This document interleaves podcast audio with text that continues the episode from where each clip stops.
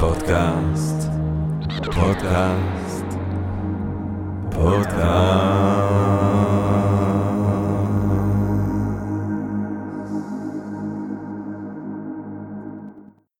טוב, גבירותיי ורבותיי, ברוכות וברוכים הבאים לפודקאסט של Think and Drink Different, פודקאסט למי שאוהב לחשוב ולשתות. אני ג'רמי פוגל, ואנחנו רוצות ורוצים קודם כל להודות לסמסונג נקסט תל אביב, קרן השקעות בתוכנה בשלבים מוקדמים, שמאפשרת לנו להקליט את הפודקאסט מהמשחק שלה בשרונה כחלק מתוכנית התמיכה בקהילת החדשנות והיזמות הישראלית!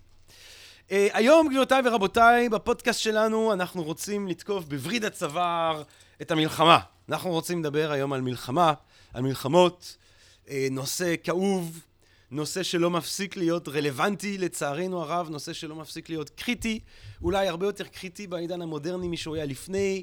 אנחנו זוכרים את הסוף של, uh, ואני אומר את זה, תובל רוזנבסר שיושב ואומר לא, ומתנגד לדבריי, uh, עוד לפני שקיבלתי הזדמנות. להעמיק ולטעון למען העמדה שלי. תן לבן אדם לטעון, תובל רוזנבסר מ-Think and Bring Different שיושב כאן איתנו היום. מה שאני רוצה לומר זה שמה שפרויד בעצם אומר בסוף של תרבות באי נחת, הספר הגדול הזה שלו, אחד מהפופולריים שלו, שבו בעצם הוא מציע לנתח את המתח המובנה באדם, כאשר יש מתח מובנה שכזה בין איך שהתפתחנו בהיסטוריה של הטבע ושל העולם, לבין הדרישה החברתית שהחיים החברתיים שלנו שהולכים ונהיים יותר עדינים וכולי, כובד המשקל של הדרישות האלה וכובד המשקל של האינסטינקטים שלנו באיזשהו סוג של התנגשות, והתרבות האנושית מנסה למצוא איזשהו איזון, אבל האיזון הזה הוא לעולם ובטח שבעולם המודרני של פרויד הוא לא נוח.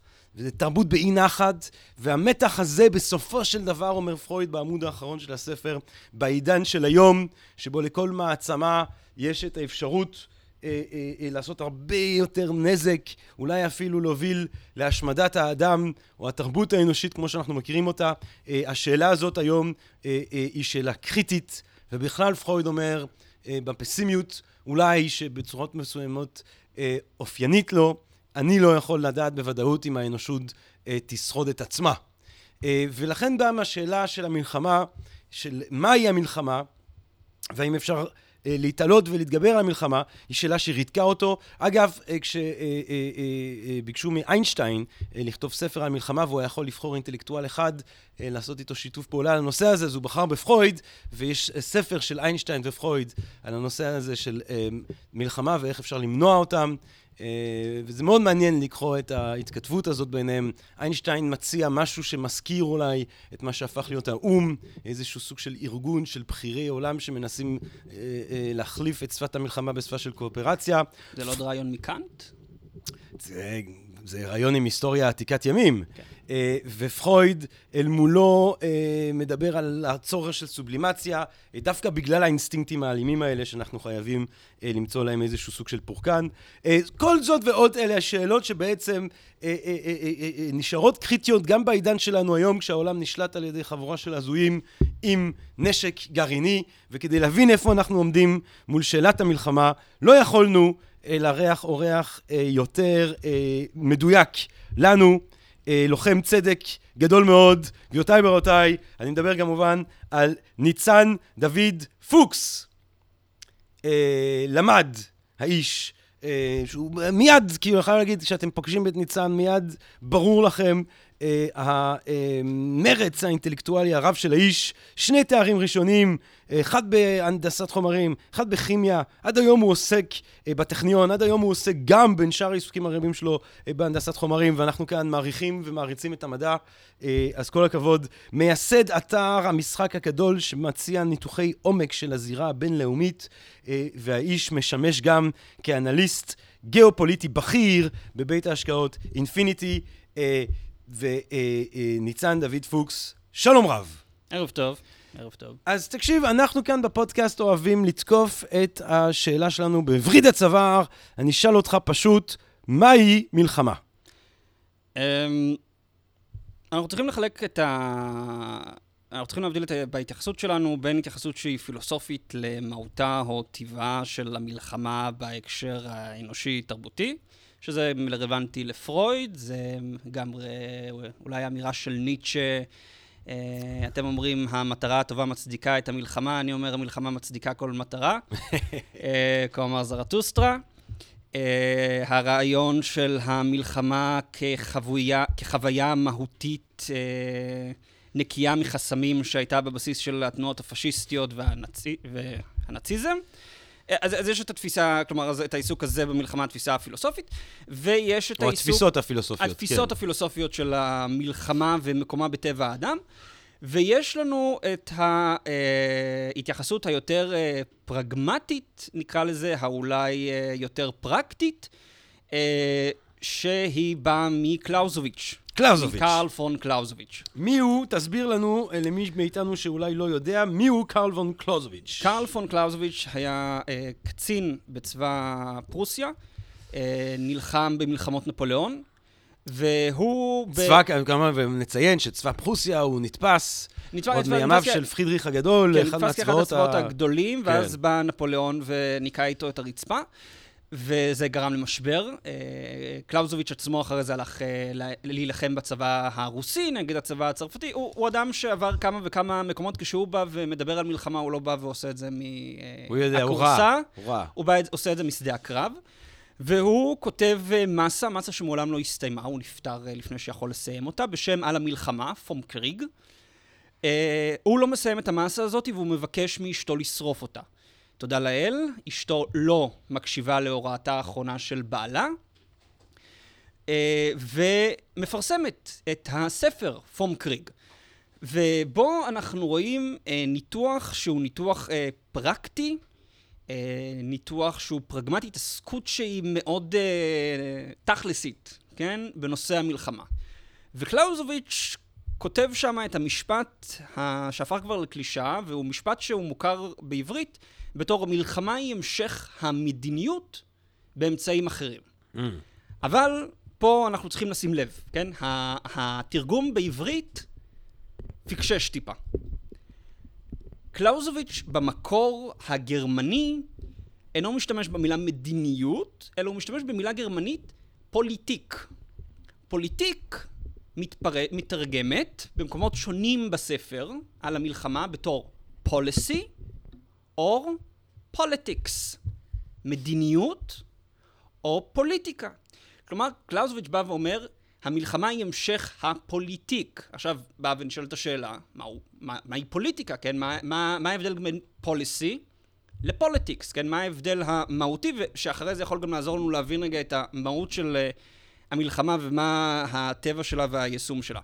אז אנחנו יכולים uh, לחשוב על uh, מדיניות ופוליטיקה uh, בתוך uh, מערכ, המערכת הפוליטית שלנו, כן? הליכוד, יש לו מדיניות. יש לו איזה שהם אה, סט של קווים מנחים, או איזה שהם סט של אה, מטרות ויעדים שהוגדרו בצורה רציונלית על ידי הסכמה בין אה, חברי הליכוד, או בין חבר אחד ספציפי בליכוד. המדיניות של הממשלה, אבל, כן, המדיניות של כל הממשלה, שכוללת את כל מפלגות הקואליציה, אינה נקבעת על ידי סכום של כל המדיניות של אה, הליכוד וש"ס וכדומה, אלא על ידי הפוליטיקה שביניהם. יש uh, חוקר uh, של קלאוזוביץ', פאול בראופמן, אני חושב, הוא, הוא, והוא בא ואומר, הוא בא ונותן פה את ההגדרה המאוד מעניינת לפוליטיקה. הוא אומר, פוליטיקה היא התהליך רב המשתתפים של העברה או שימור של כוח. כלומר, בפוליטיקה, in politics, נפגשות המדיניות, כן? נפגשות ה-policies, ועל ידי מאבק של כוח, נוצרת פוליסי חדשה. אם ניקח את זה עכשיו אל המלחמה, כן. אבל רגע, אז לפני שאנחנו עוברים למלחמה, בוא נוודא שהבנו את מושגי היסוד שלנו, שבו אתה מבקש להבדיל בין פוליטיקה, שזה מה שקורה כשיש כמה משחקים שהם במשא זה ומתן. תהליך דינמי, תהליך דינמי בין כמה משתתפים. תהליך בשביל- דינמי בין כמה משתתפים, בשביל להגיע למדיניות אחת. ואז יש פוליסי שזה המדיניות. זו אותה מדיניות. כן, אז הפוליטיקה נגיד זה מה שקורה עכשיו סביב הרכבת הממשלה למשל. לדוגמה. המדיניות תהיה מה שבסוף יצא כאשר הגורמים השונים יגיעו לאיזשהו סוג של הסכמה. היא תהיה תוצאה של הפוליטיקה, של כן. התהליך. יש תהליך פוליטי שמוביל למדיניות. נכון. עכשיו אנחנו הולכים למלחמה. יפה. מלחמה, אנחנו יכולים להתייחס אליה באותה צורה. במלחמה כל אחד מהצדדים יש לו מדיניות מסוימת, כן? אה, לדוגמה, אה, גרמניה במלחמת העולם השנייה יש לה את המדיניות של הליבנסראום, המרחב אה, מרחב מחיה. מרחב מחיה של רייך גדול, תואר גזעי. יש לנו את מדינות המערב, את בעלות הברית. שלהן יש מדיניות של דמוקרטיה, זכויות אדם, גרמניה שהיא לא כוללת את כל אירופה. אז יש לכל אחד מהצדדים מדיניות.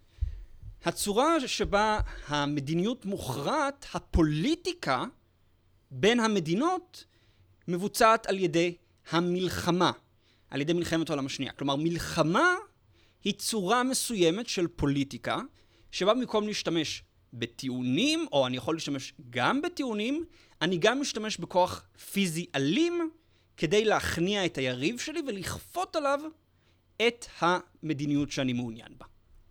מעניין.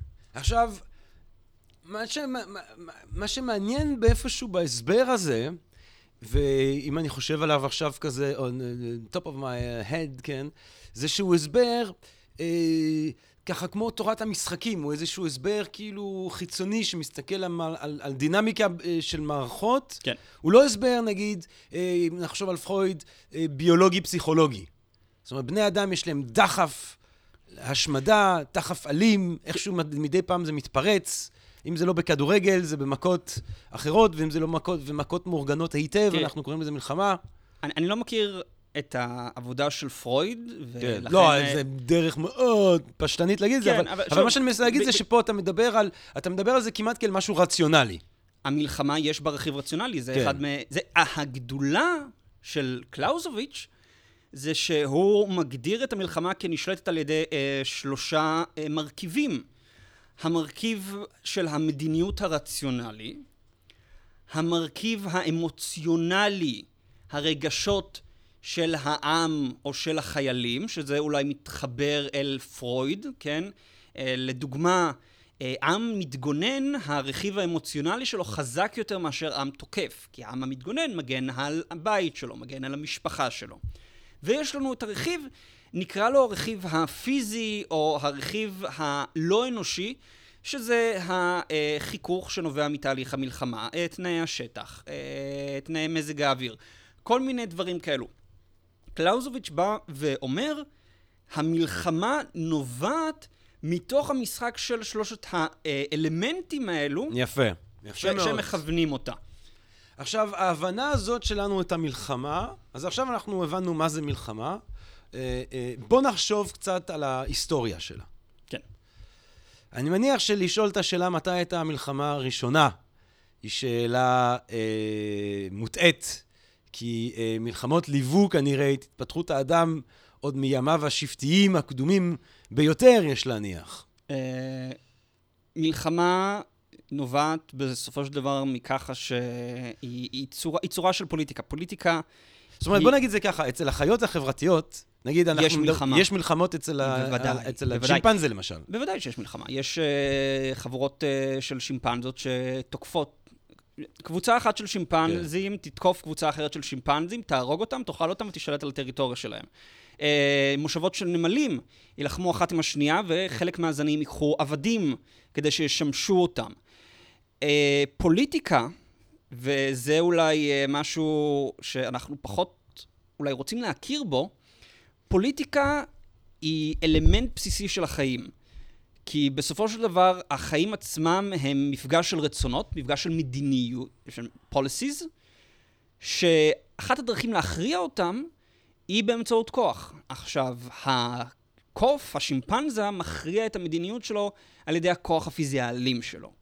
אנחנו בתור בני אדם מכריעים וקובעים את המדיניות שלנו, הפוליטיקה שלנו, היא בדרך כלל הרבה יותר, אה, היא מילולית, היא גם לא חייבת להיות אלימה. כלומר, אני, אה, לדוגמה, נניח, אני רוצה לקנות ממך, ג'רמי, את האופניים שלך, כן? כן. אתה אה, מציע לי... אה, ש... אה, נגיד, אתה יודע מה? 800 שקל. יפה, אתה רוצה... 900, 900, 900 שקל. אתה רוצה, 900, אתה רוצה 900 שקל בשביל ה... אלף. אלף שקל. אלף וסגרנו, יאללה. אל, אל, כן. אתה רוצה אלף שקל. אלף שקל. רגע, המדיניות שלך זה שאתה רוצה אלף שקל. נכון. כן? זה, זה, זה כמה שאתה רוצה. נכון. אני לעומת זאת בא ומגיע, אני רוצה 800 שקל. כן. אוקיי, עכשיו אנחנו מנהלים משא ומתן. נכון. משא ומתן אבל גם מושפע מהכוח שלי. כלומר, אם אתה, ג'רמי, מחזיק בזוג אופניים היחיד בתל אביב, לך יש המון כוח עליי. נכון. אבל אם לעומת זאת, אני כבר מסתכל, אני אומר לך, ג'רמי, תסתכל, אני בא אליך לקנות, כן. ואז אני הולך לבחור ליד, אני הולך לתובל, ואני רוצה גם להסתכל אצלו. אוקיי? נכון. אז עכשיו, לי יש כוח יותר גדול. יש לי אבל כוח אז אני מיקוח. מוציא רובה, ואני מפנה אליך את הרובה, יפה, ואני אומר זה- לך, זה ה- זה ניצן, ההידרדרות. תקשיב נשמה, זה אלף שקל, ואין לך אופניים. איך אני איתך? עם יפה. הרובה, כאילו. אז עכשיו, אז עכשיו, אז. עכשיו, אז עכשיו אנחנו שינינו, סיטואציה אחרת. שינינו, שינינו, שינינו תנאי הכוח שלנו ושינינו את הפוליטיקה שלנו. נכון. שינינו את הפוליטיקה שלנו. שיניתי אגב, מדיניות. אגב, יש אה, הרי בדיחה ידועה שזונות ופוליטיקאים זה שני המקצועות הכי עתיקים בעולם. כן. ואנחנו כולנו לא חושבים על זה, אבל הם שניהם מתייחסים לצרכים ביולוגיים.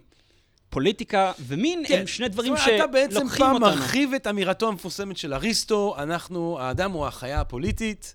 אה, הוא גם, אגב, לא חושב שהיא החיה הפוליטית היחידה, כן. אבל החיה הכי פוליטית, דווקא בגלל, כמו שאמרת, יש לנו לוגוס, יש לנו אבל- אפשרות לחשוב כן. ולדבר את כיווננו, אה, אה, אה, אה, אה, את- לחשוב על מדיניות נכונה, נכון, ראויה, נכון. אה, אה, לפוליטאה שלנו. היא- כן, אבל אני חושב ששווה רגע להעלות נקודה, ואני אני פשוט כאילו... תעלה, אני לא- אני תעלה. לא רוצה להעלות אותה.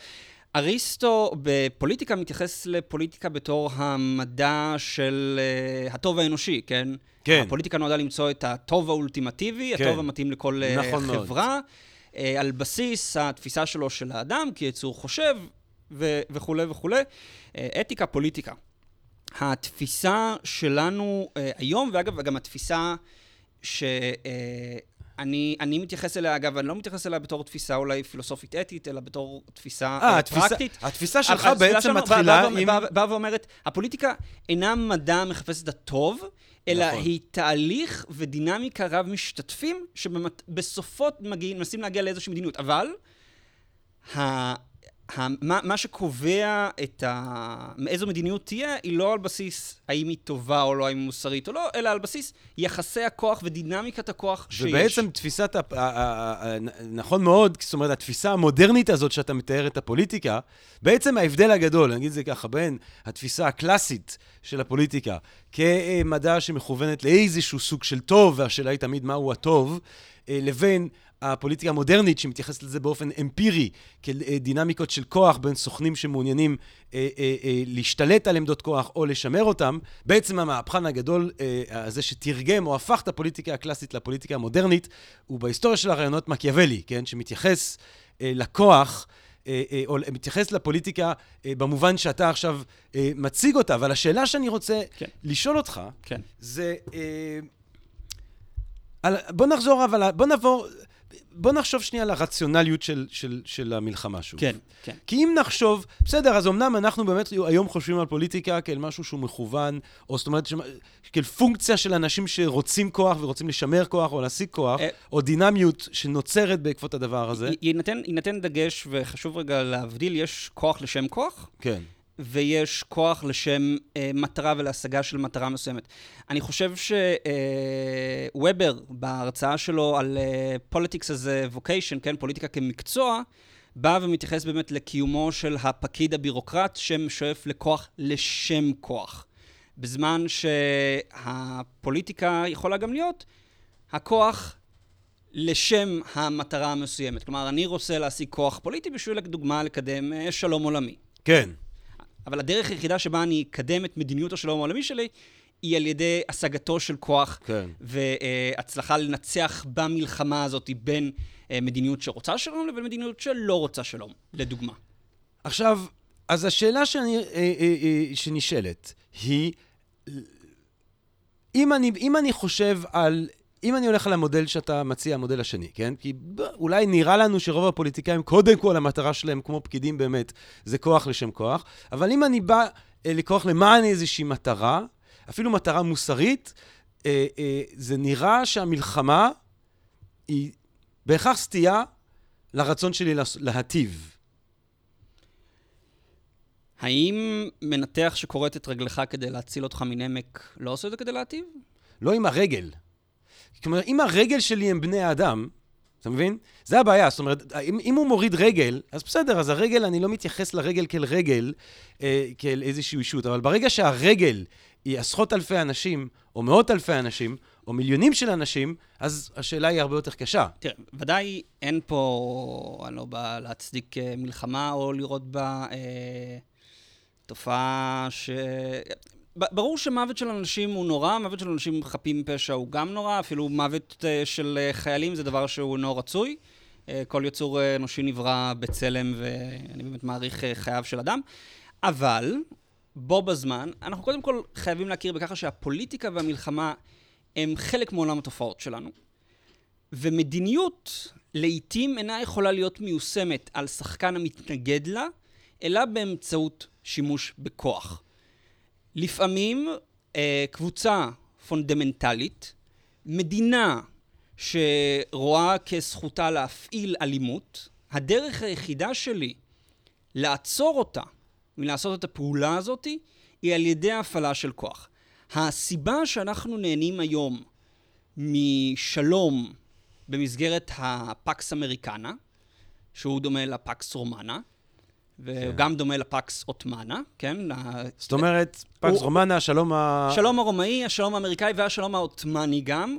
נובעים מככה שיש לי שחקן חזק, שעל ידי האיום בכוח מכריח מדינות ושחקנים נוספים לבחור בדרך ה... אה, נקרא לזה מורכבת יותר, של דיאלוג וחוק בינלאומי, מאשר הדרך הפשוטה יותר של מלחמה. כלומר, שוב, המלחמה היא אגב באיזשהו מקום היא הרמה הבסיסית ביותר של הפוליטיקה, אך היא בוודאי לא רמה רצויה, ו... אבל, אנחנו גם... אבל אנחנו צריכים לשים לב שבשביל להכריח קבוצה מסוימת לא ללכת למלחמה, כלומר, בשביל להכריח אדם מהרחוב לא לשלוף את האקדח ולגנוב ממני אלף שקל, אני צריך את המדינה שעם כוחה תאיים עליו כן. ותגן על הזכות שלי. עכשיו... אז אתה... יש לך בעצם, ניצן, אה, תפיסת, אני הייתי אומר, אה, פסימית של טבע האדם. כי אתה פה בעצם מזכיר מאוד את הובס. אתה אומר, בני אדם, אם אתה לא נותן להם גורם שהוא הרבה יותר חזק מהם, איזשהו לוויתן אמריקאי, רומאי או עות'מאני כן. כזה, או שוטר, הם יגנבו ויהרגו וירצחו ויאנסו, כן. וצריך שיהיה גורם חזק אני... שישמור אותם. אני, אני, אני לא חושב שאני מתייח... אני לא חושב שאני מתחבר לתפיסה של הובס בגלל שהוא מדבר על הכוח לשם כוח. אני חושב שאחד הדברים שאתה רואה, לדוגמה בזירה הבינלאומית... לא, אבל אני מדבר על טבע האדם. לא, ת, לא. כי, כי אני אגיד לך למה. אני, אני, חוט... אני מנסה להבין ממך אם אתה חושב שמלחמה היא הכרח זאת אומרת, האם, האם אפשר לדמיין את הזן האנושי לא נלחם? אז, אז, אני, אז אני אסביר, אני אסביר, אה, אני אנסח אה, יותר טוב, אה, אני אתייחס, מה, איך אני חושב על טבע האדם. אני חושב שטבע האדם הוא להיטיב.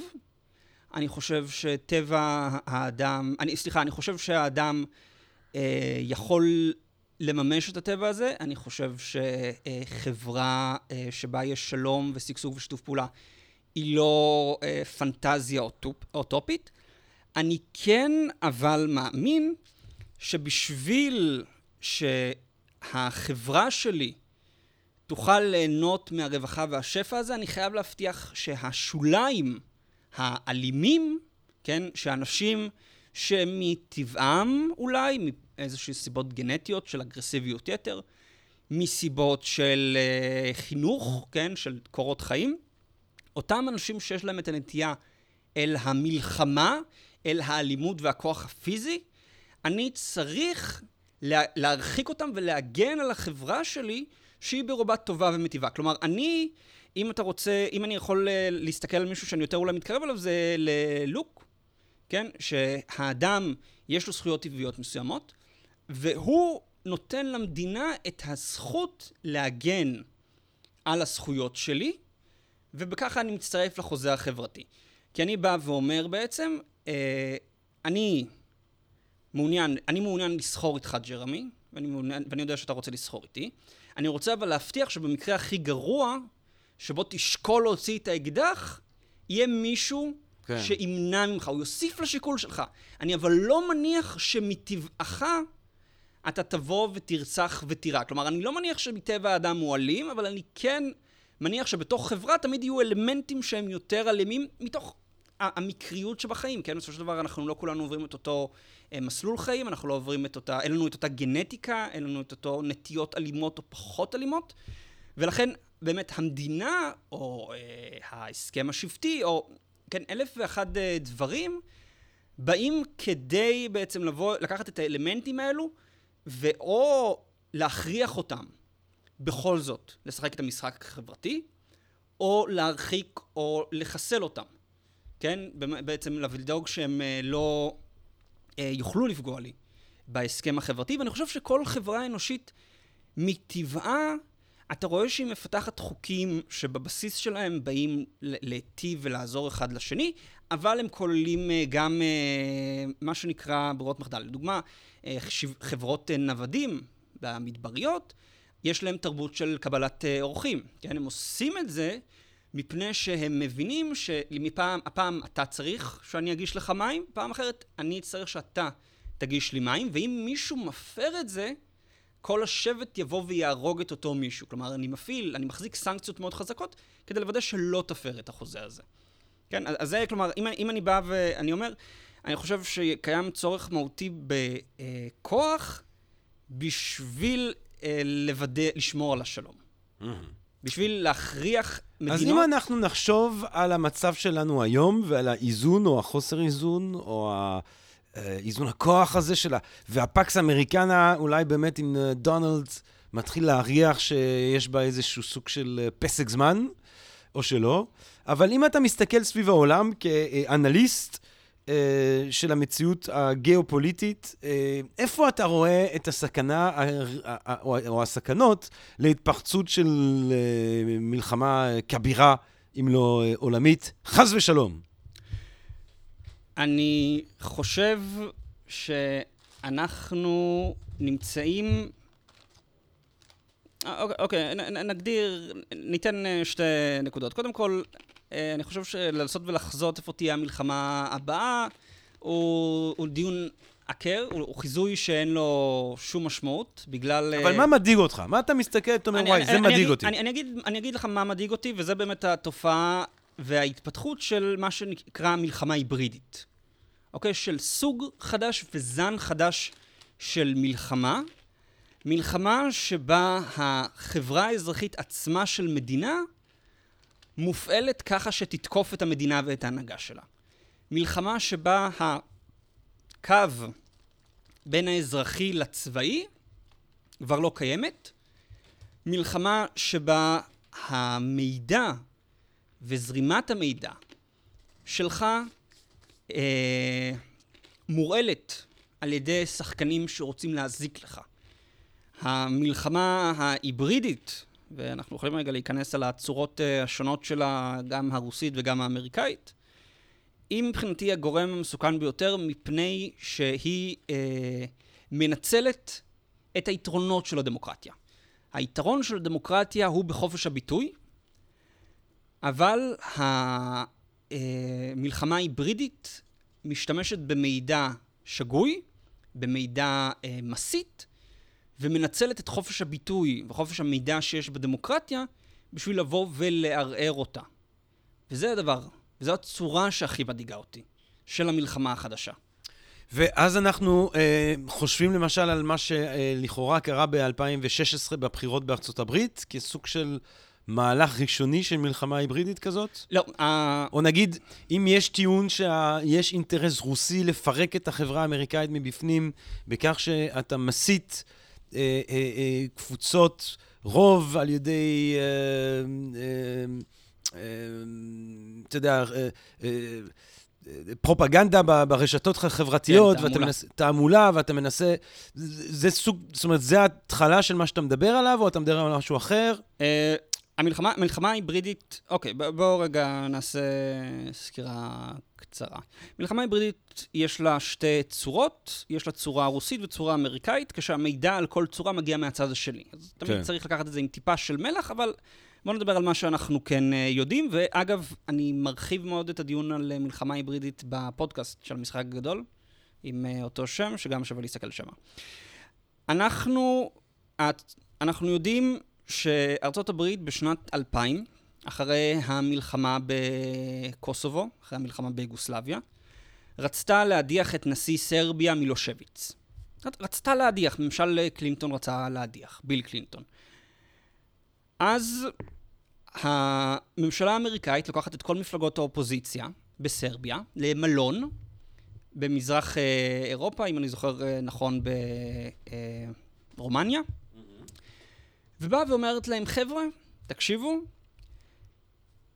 אנחנו יודעים לפי סקרי דעת קהל שהמנהיג הנוכחי של האופוזיציה לא הולך לנצח את הבחירות מילושביץ.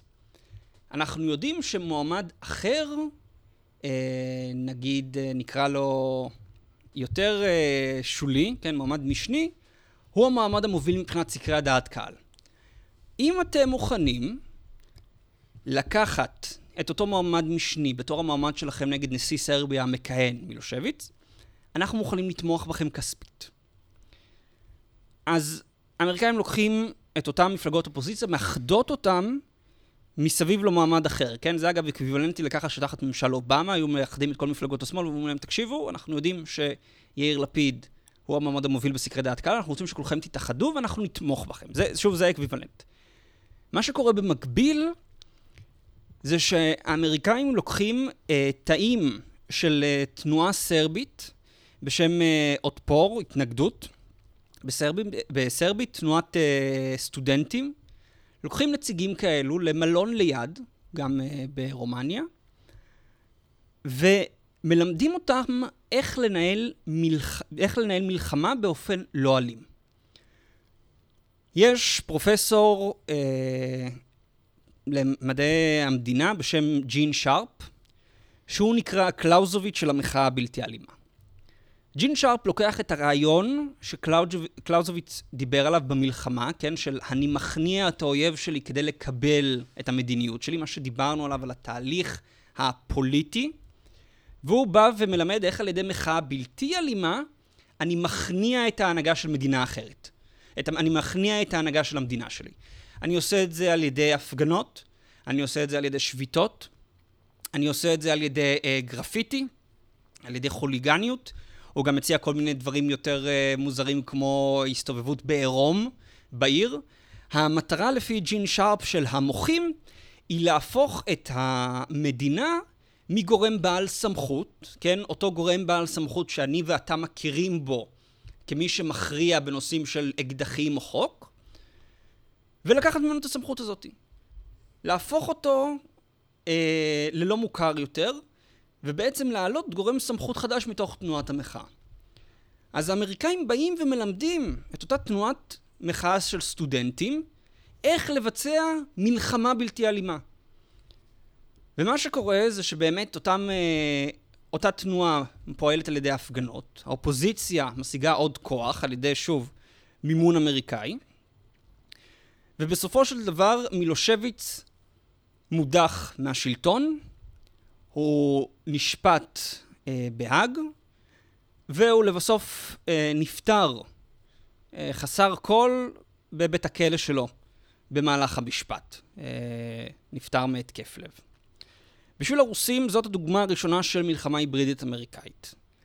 והם ממשיכים ורואים את אותה דפוס של מלחמה היברידית במחאות באוקראינה, בגיאורגיה, קירגיסטן, הם קוראים להם מהפכות צבע. והם באים ומציעים את המודל הזה של מחאה אה, היברידית, כשהיא גם מתייחסת לתופעות אה, אחרות, אנחנו עוד רגע גם אולי נתייחס לתופעות יותר מתקדמות מאשר הסרבית. מלחמה היברידית בצורה האמריקאית עובדת ככה. אני קודם כל מאתר גורמים שמתנגדים לשלטון, אוקיי? אה, תנועות אה, מחאות אה, סטודנטים, תנועות אופוזיציה וכדומה.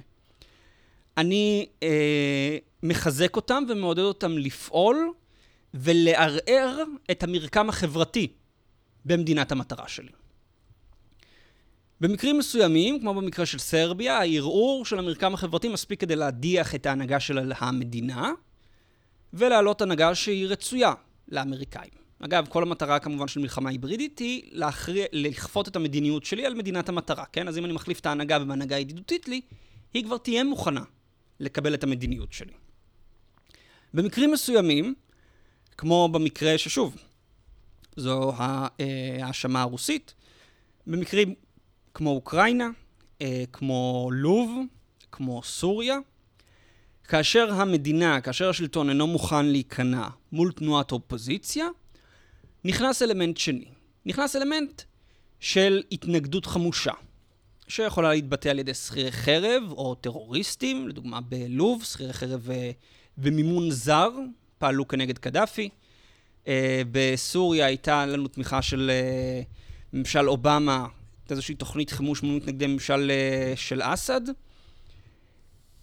באוקראינה גם פעילות חמושה נגד הממשל האוקראיני, כשהמטרה היא בסוף מה שמגיע זה או החלפה של השלטון או ריסוק של המדינה. כן, המדינה הופכת להיות בלתי אפקטיבית. ומה שאתה רואה זה שהרוסים כל פעם שהם רואים איזה שהם הפגנות, כן, שפתאום מתחילות להיראות יותר מדי מסונכנות, הם מאשימים את זה במהפכת, בתור color revolution, מהפכת צבע. אגב, מה שמעניין זה שגם הסינים לאחרונה התחילו להתייחס להפגנות בהונג קונג בתור מהפכת צבע. הסיבה שסין משתמשת בטרמינולוגיה של מהפכת צבע, היא מפני שהיא שותפה לדעה של רוסיה על ככה שמאחורי אותן הפגנות נמצאת אותה אה, פעולה אמריקאית לערער ולשבור את אה, הונג קונג לשם המטרות שלה. אז זה המודל האמריקאי, כלומר זה המודל האמריקאי לפי התפיסה הרוסית. נלך עכשיו הפוך, mm-hmm. התפיסה האמריקאית של המודל הרוסי. המודל הרוסי הוא... אה, הוא פחות מתערב פוליטית. כלומר, הרוסים אה, כוללים אה, שלושה, אלמנט, שלושה אלמנטים שונים במלחמה ההיברידית שמצטרפים, משחקים ביחד. האלמנט הראשון הוא שימוש בכוחות מיוחדים למטרות פוליטיות. כוחות מיוחדים בדרך כלל משמשים אותנו לאיסוף של מודיעין, אה, פעולות חבלה מאחורי קווי האויב, אה, אה, תמיכה בכוחות המזוינים. והרוסים הוסיפו פונקציה נוספת, שימוש פוליטי בהם. לדוגמה, חצי האי קרים באוקראינה, 2014, פתאום, יום אחד, מתחילים להסתובב אנשים במדים ירוקים, ללא שום זיהוי כלשהו, ולהשתלט על מבני שלטון בחצי האי קרים. כששואלים את הרוסים, זה החבר'ה שלכם... שבאותה תקופה חצי האי קרים שייך לאוקראינה. אוקראינה. כששואלים את הרוסים, זה שלכם? הרוסים אומרים, לא, אנחנו לא יודעים במי מדובר. האנליסטים הערבים קוראים להם ליטל גרין מן, כן, אנשים קטנים וירוקים, מין חוצנים שפתאום מופיעים. רק החוצנים האלו משתמשים בציוד רוסי, ואחרי זה הם פתאום גם מופיעים במזרח אוקראינה עוזרים לבדלנים רוסים. ההערכה היא שאותם אה, חוצנים הם כוחות מיוחדים רוסים ששימשו את רוסיה בשביל השתלטות פוליטית בחצי האי קרים. הם משתלטים על מבנה הממשל, מכריחים את הממשל בחצי האי קרים לבצע את אותו אה, משאל עם, שבסופו של אותו משאל עם, חצי האי קרים בוחר לעבור לרוסיה. אגב, באותו משאל עם, רואים קמפיין משמעותי של דיסאינפורמציה רוסית, כן? האלמנט השני במלחמה ההיברידית הרוסית. במלחמה ההיברידית הרוסית ערוצים כמו RT, כמו ספוטניק, משמשים כדי להכיל את, כדי להכיל את, את קלילת המטרה במידע שגוי בשביל להביא אותם להחלטה מסוימת. לדוגמה, בחצי האי קרים, ערוצי מדיה רוסים שכנעו את תושבי חצי האי קרים שהמפגינים בקייב הם חבורה של ניאו-נאצים גזעניים שהולכים לרצוח את כולם. ראו, הם, הם, הם הציגו את זה, או רוסיה או גרמניה הנאצית. אני שואל את המאזינים, אם אתם צריכים לבחור במשאל עם אם להצטרף לרוסיה או לגרמניה הנאצית, למה תצביעו? לרוסיה כמובן. אז זה האלמנט השני. האלמנט הראשון, כלומר, שימוש בכוחות מיוחדים לצרכים פוליטיים. אלמנט שני, מערכה של דינפורמציה. אלמנט שלישי, כוחות של שכירי חרב. כן? במזרח אוקראינה ראינו אותם לראשונה, אה, שכירי חרב רוסים, ששוב, רוסיה מכחישה כל קשר אליהם. אגב, לפי החוק היבש הרוסי, חברות צבאיות פרטיות אינן חוקיות. אינן חוקיות. ובכל זאת הן קיימות. כמו לדוגמה קבוצת וגנר, כן? אה, חבורה של שכירי חרב שפעלו במזרח אוקראינה, שפועלים בסוריה, שפועלים בסודאן, ברפובליקה המרכז אפריקאית, לפי, טען, לפי דיווחים מסוימים בלוב, בוונצואלה. כלומר, יש לי אה, שכירי חרב, רוסים, שרוסיה מכחישה כל קשר אליהם, כן, שוב, הם בלתי חוקיים, כן, איך יכול להיות לממשלה קשר למשהו שהוא בלתי חוקי? שאיכשהו מתואמים באופן נפלא עם מדיניות החוץ הרוסית, דואגים לאינטרסים הרוסים, ורוסיה שוב מכחישה כל אה, קשר אליהם.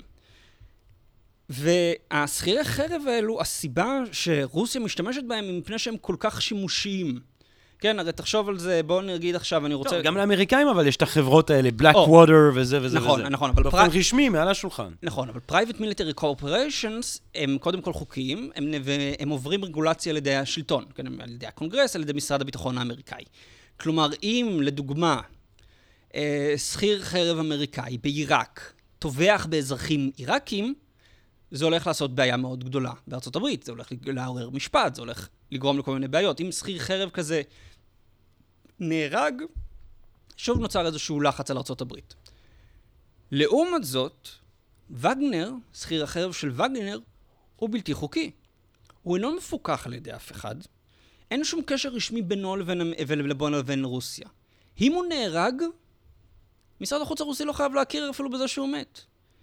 הוא לא צריך לממן אותו מעבר למשכורת שלו, ואם הוא עושה איזה שהם פשעים, שוב, רוסיה לא מכירה אותם, הם שכירי חרב, הם לא נמצאים תחת שליטתה. כלומר, ההבדל המהותי בין הקבוצות שכירי החרב הרוסיות לבין ה-Private Military Corporations או Companies האמריקאיות, הם שהרוסיות הן בלתי חוקיות ומשמשות ככלי צללים של רוסיה, בעוד החברות הצבאיות הפרטיות האמריקאיות הן חוקיות, גלויות, ולא יכולות להיות מופעלות באותה צורת אופרציה כמו זאת של רוסיה.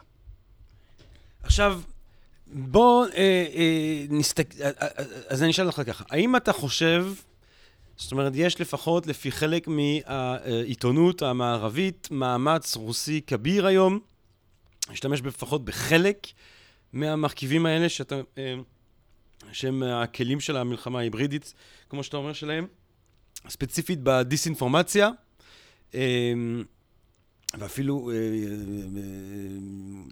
אה, אה, בצורה מסיבית ושיטתית, ולהוביל בעצם לסילוק של אמריקה מכל מיני זירות שבהם הרוסים מעוניינים להיכנס, לפירוק של האיחוד האירופי, למשל עם ברקסיט. האם אתה חושב ש... איך אתה רואה את המעורבות הרוסית הזאת? מה אתה עושה? כאילו, what do you make של המעורבות הרוסית, למשל, בפוליטיקה האמריקאית? יש... יש, אני חושב, עדיין ויכוח, או לפחות לי יש נקודה שמעולם לא הובהרה לי, עד כמה באמת מעריכים שההשפעה הרוסית הייתה משמעותית. כלומר, אנחנו יודעים שהמערכת הרוסית הייתה מאוד גדולה. איך מתרגמים את המאמץ הרוסי בסוף להשפעה של אה, בוחרים לבחור, ללכת לא להצביע להילרי, או כן ללכת להצביע לטראמפ? מעולם לא ראיתי ניתוח, לא, אני לא מכיר אה, מחקר כזה. אני מניח שמאוד קשה לבודד אבל, אבל, את ההשפעה הזאת או, מכל שאר הגורמים. אבל, אבל רגע, אבל, אבל בוא, אבל נלך ונסתכל מכיוון אחר. כלומר, אתה, כשאתה שואל, what do you make of it מההתערבות הרוסית, אתה בא, אנחנו כאילו בכל באים ושואלים, האם ההתערבות הרוסית מצליחה להביא מדינה לקבל החלטה כזו או אחרת? כן ברקזיט, לא ברקזיט, טראמפ, לא טראמפ. בוא ואני אשאל אותך שאלה אחרת. מה זה עושה לדמוקרטיה כשאני מסתכל באתר, חדשות, ואני לא יודע להאמין האם המידע שמגיע אליי הוא אמין או לא? האם האדם שעומד, האם הפרופיל בפייס, בפייסבוק, בטוויטר, שלכאורה הוא פרופיל נורמטיבי, האם מדובר באדם אמיתי או בסוכן רוסי? ההשפעה המשמעותית, אני חושב, של רוסיה, וזו באמת ההשפעה האמיתית, זה לא להביא את הברית, או את בריטניה, או את צרפת, לקבל איזושהי החלטה, אלא באמת לפגוע במרקם ובתהליך הדמוקרטי. שוב, כמו שאמרתי, הדמוקרטיה צריכה את חופש המידע, את הזרימה של מידע, ובאיזשהו מקום גם את האמון במידע. אם אני בא ואני מצליח לשכנע את המצביא את המצביע הממוצע, את הבוחר, שהמידע שהוא מקבל, או המידע שמנוגד לדעותיו, הוא פייק ניוז, הוא לא נכון, אני מעודד אותו לבוא ולהיסגר בתוך תיבת תהודה. אני אגב גם מקשה עליו לצאת מאותה תיבת תהודה. ובככה אני פוגע בתהליך הדמוקרטי, בדיון הדמוקרטי. ולזה אתה קורא, זה כבר מלחמה בעיניך? בסופ... מה, שוב, נחזור, נחזור לדיון הראשוני שלנו, כן? מטרתה של המלחמה היא בסופו של דבר אה, להכריע את האויב שלי ולכפות את המדיניות שלי עליו. אם האויב שלי, תהליך קבלת ההחלטות שלו, תהליך הדיון שלו, כן? התהליך הדמוקרטי שלו, לא מתפקד, פגעתי בתפקוד של היריב שלי. מדינה שהיא משוסעת בתוכה, שבה אי אפשר להגיע לקונצנזוס רחב, היא מדינה שלא יכולה להגיב לאיומים חיצוניים. אם אני מצליח ליצור קרע שלא נותן אה, לקונגרס, לדוגמה, לקבל אה, החלטות בשורה אחת או לקדם מדיניות ברורה מול רוסיה, הרי שהשגתי פה הישג משמעותי. מאוד. השגתי פה הישג אבל משמעותי. עדיין מרגיש לי שוב, ב- אני לא רוצה להיכנס לסמנטיקה, אבל מרגיש לי שגם מסע של דיסאינפורמציה, או מעורבות עדינה או גסה יותר אה, אה, מהסוג הזה, יש בה מבחינה קטגורית משהו שונה ממלחמה שבו אתה... שבו נחצחים אנשים. תראה, סון צו, ה- מי שכתב את אומנות המלחמה בסין לפני 2,500 שנה, כן. אני חושב. אם אתה קורא את אה, אומנות המלחמה, אתה רואה שרובה מתייחסת לאיך להכריע את האויב בלי להרוג אותו. כן, הוא מתייחס למלחמה כבתור אקט פסיכולוגי, בעיקרו. כן, לוחמה פסיכולוגית היא אלמנט שאנחנו מכירים בתוך המלחמה. נכון. כן, ההתמקדות שלנו בככה שמלחמה זה מדהים, וזה חיילים, ואנשים מתים, היא התמקדות שהיא לא מעודכנת עם הזמנים. מלחמה היום היא מכוונת. אז אתה אומר, המלחמה ההיברידית, שהיא יותר באמת עדינה פסיכולוגית, היא, היא טוטאלית, היא טוטאלית יותר מהמלחמה של מלחמת העולם השנייה. אבל, אבל, זאת אומרת, אתה אומר צריך יותר לדאוג מפעולות מהסוג הזה, מאשר מזה שמתפוצצת לך במלח- פצצת אטום. במלחמה, ההיבר... במלחמה ההיברידית, אני, אתה, המאזינים שלנו, הם כולם מטרות של מדינה. נכון. כלומר, מה שאנחנו רגילים, כן? ש- שוב, אבל כמטרה, אני מעדיף להיות מטרה למסע דיסאינפורמציה מאשר לפצצת אטום. אישית. שוב, אישי, אישית, אתה יודע, כל אחד והדבות, על טעם ועל ריח אי אפשר, אין להתווכח. אבל אה, נראה לי שגם אתה. אתה, תראה, הרי אני- אתה אני מעדיף שיריצו לך סרטים פרופ- של, של תעמולה בפייסבוק, או שיראו לך טיל בחלון? שוב, אתה יודע, ההתמודדות, אגב, ההתמודדות... אני רק אקח כן. צעד אחורה. מה כן. שאני מנסה בעצם לראות איתך, כן. זה אם זה הכיוון, אם לשם הולכת המלחמה, אז עם כל זה שזה דבר נורא ומזעזע והאמת היא קריטית ואנחנו חייבים למצוא את הדרכים להגן על מקורות המידע שלנו ו- וכולי וכולי וכולי וכולי וכולי, עם כל זה שהדבר הזה נורא, אם בגדול הקונפליקטים הבינלאומיים האנושיים הולכים לכיוון כזה, היברידי, אז אפשר לראות בזה גם סוג של עידון. סוג של מצב שבו אנחנו עונים לפני מאה שנה. זה היה ממש להסתובב ולשחוט אחד את השני. עכשיו אנחנו מנסים לעשות מניפולציות פסיכולוגיות אחד על שני. שיפור. בוא, בוא, בוא נזכר רגע במשהו שדיברנו עליו במהלך הדיון שלנו. המדינה, על ידי הסמכות שאני נותן לה, שומרת על החברה שלי בצורה של, בצורה של שלום, מאפשרת את התקשורת שלי דרך צורה חוקית, דרך צורה כלכלית.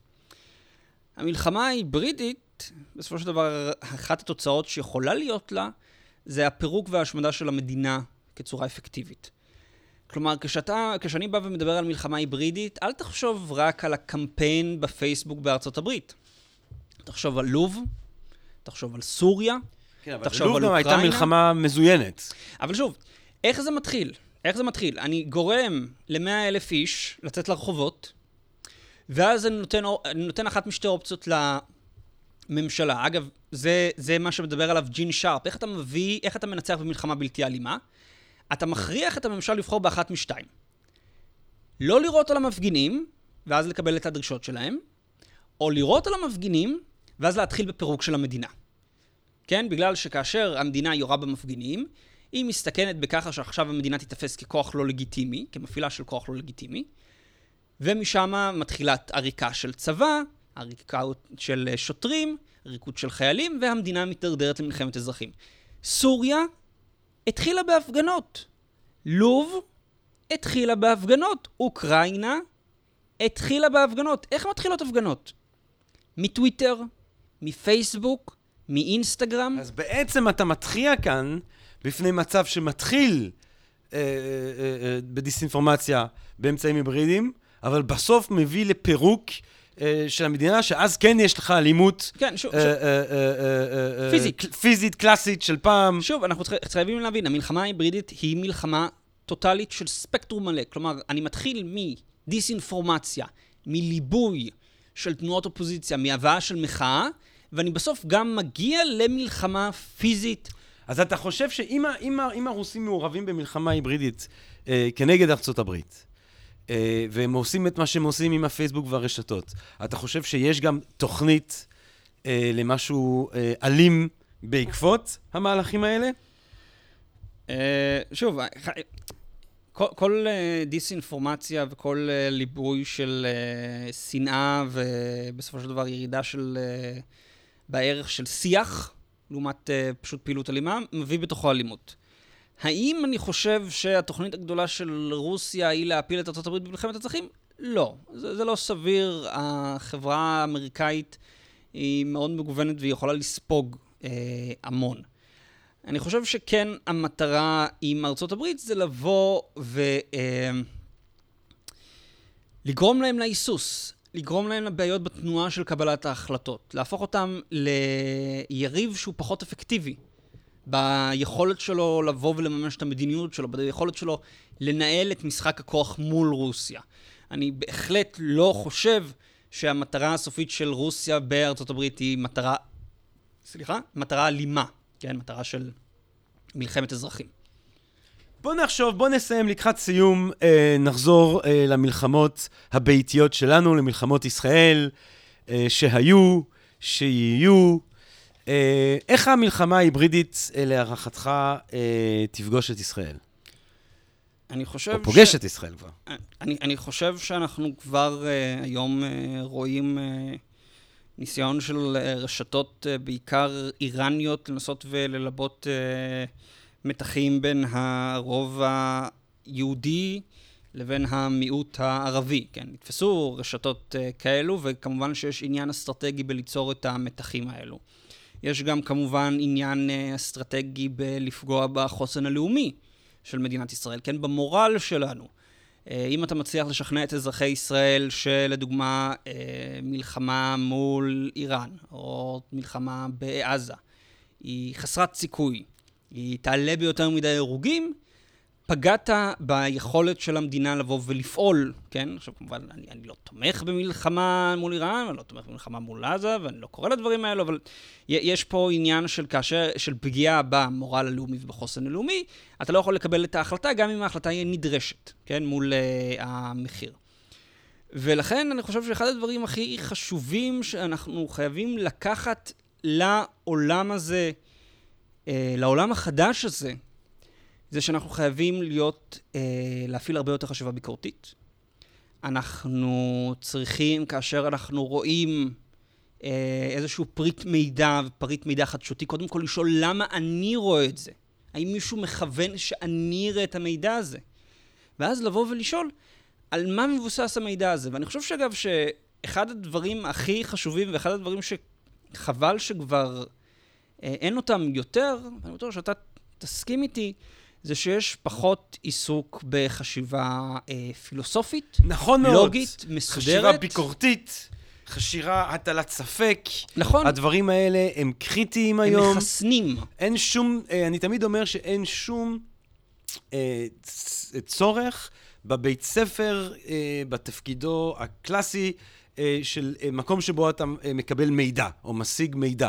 המידע היום הוא זמין, השאלה, אה, לכל ילד עם פלאפון יש לו גישה להרבה יותר מידע שאפשר למצוא בכל הספריות האנושיות ההיסטוריות כולן, גם יחד. השאלה זה איך אתה מקנה לילד את הכלים לברר בין מידע אה, לא אמין לבין מידע אמין. זה מה שמערכת החינוך צריכה להתמקד בו היום. אה, לא בלהקנות אה, מידע לילדים, אלא להקנות להם את הכלים אה, בעולם שהוא כל כולו פייק ניוז, ועוד מעט גם ה deep fake, שבכלל זה יהיה אה, טכנולוגיות של זיוף כן. הרבה יותר מתקדמות ממה שיש לנו כן. היום, זה באמת מפחיד. זה עם זה שאנחנו צריכים, אה, אה, לקחת זה אנחנו צריכים לחנך. ללא שמץ של ספק, אה, אה, החשיבה הסוקרטית, הביקורתית, הטלת הספק, היא מרכיב קריטי בהרפתקה הזאת. אתה ממני אה, אה, אה, תקבל רק הסכמות אה, לדבר הזה, ברור. כן.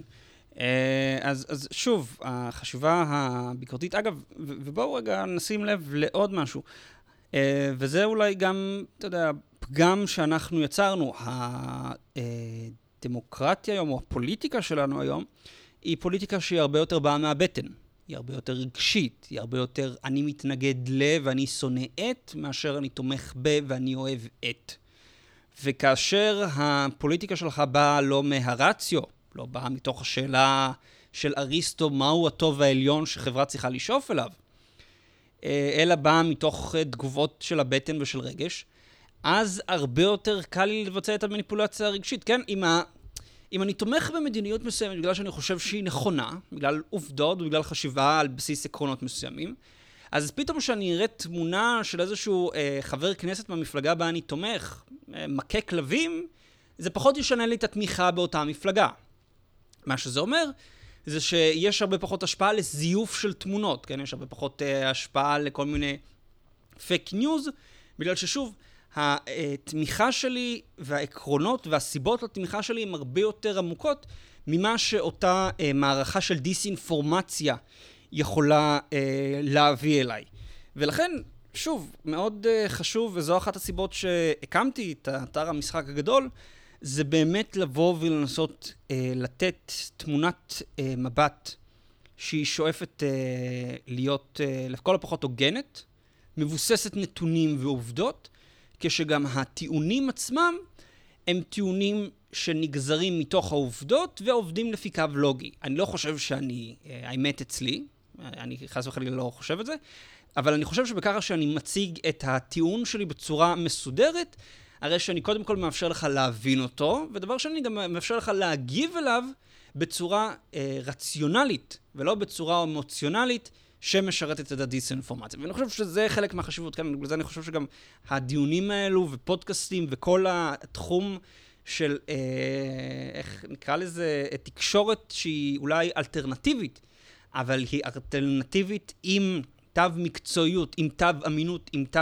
של באמת חתירה לאמת, כן? אולי אנחנו לא יכולים להגיע אף פעם אל האמת האבסולוטית, אבל אנחנו באמת יכולים לחתור אליה ולעודד, ולהמשיך ולעודד גם על ידי פודקאסטים כאלו, אה, את החשיבה הביקורתית שלנו, את הרצון שלנו לבוא ולנסות וללמוד את העובדות, את הרצון לייצר תמונת עולם שהיא לא רגשית אמוציונלית, אלא היא באה מהרציו, ולכן הרבה פחות רגישה לאותן מערכות של דיסאינפורמציה. אמן, אמן, אמן, אמן, אמן. Uh, תודה רבה רבה רבה לך. בשמחה. כי אני חושב שעם המילים האלה אנחנו יכולים ממש uh, להשאיר את המאזינות uh, והמאזינים שלנו. Uh, uh, uh, ניצן דוד פוקס, מייסד אתר המשחק הגדול. ומנחה פודקאסט, המשחק שם, הגדול. באותו שם, חפשו לכו ותראו את האתר ואת הפודקאסט, את המשחק הגדול, ששם, אה, אני, רק, פה קיבלנו רק כמה ניצוצות מהרעיונות ששם אתה אה, מפתח לעומק. כן, אבל שוב, הפיתוח הוא שם, הוא פחות אה, פילוסופי, אה, ניתוח אה, של מערכות, ניתוח של סוגיות אה, אה, גיאופוליטיות על בסיס עובדות, על בסיס אירועים אה, אמיתיים. אה, פחות, פחות דיון רעיוני, למרות שיש כמה פרקים. שוב, uh, כרגע יש, הסדרה שרצה היא סדרה בשם קיסר אדום, היא מתעסקת בסין, היא מפרקת את סין, אגב, גם בפן הפילוסופי-פוליטי אה, של סין. אה, אז אני מזמין אתכם uh, להקשיב, וכמובן... מרתק. Uh... מרתק מאוד, אנחנו בכלל לא דיברנו עוד על כל המתחים האלה שיש בסין, ומה שקורה שם והעולם שהם מציעים לנו לחיות בו, אבל זה אפשר לשמוע אצלך בפודקאסט, נכון. במשחק הגדול, ואנחנו מאחלים לכולם, מה אני אגיד לכם? שלום, שלום ואחווה בין העמים, ואמת, ורק טוב, וקודם כל בריאות. תודה רבה לך. ניצן, תודה רבה לכם, ונשתמע. פודקאסט, פודקאסט, פודקאסט.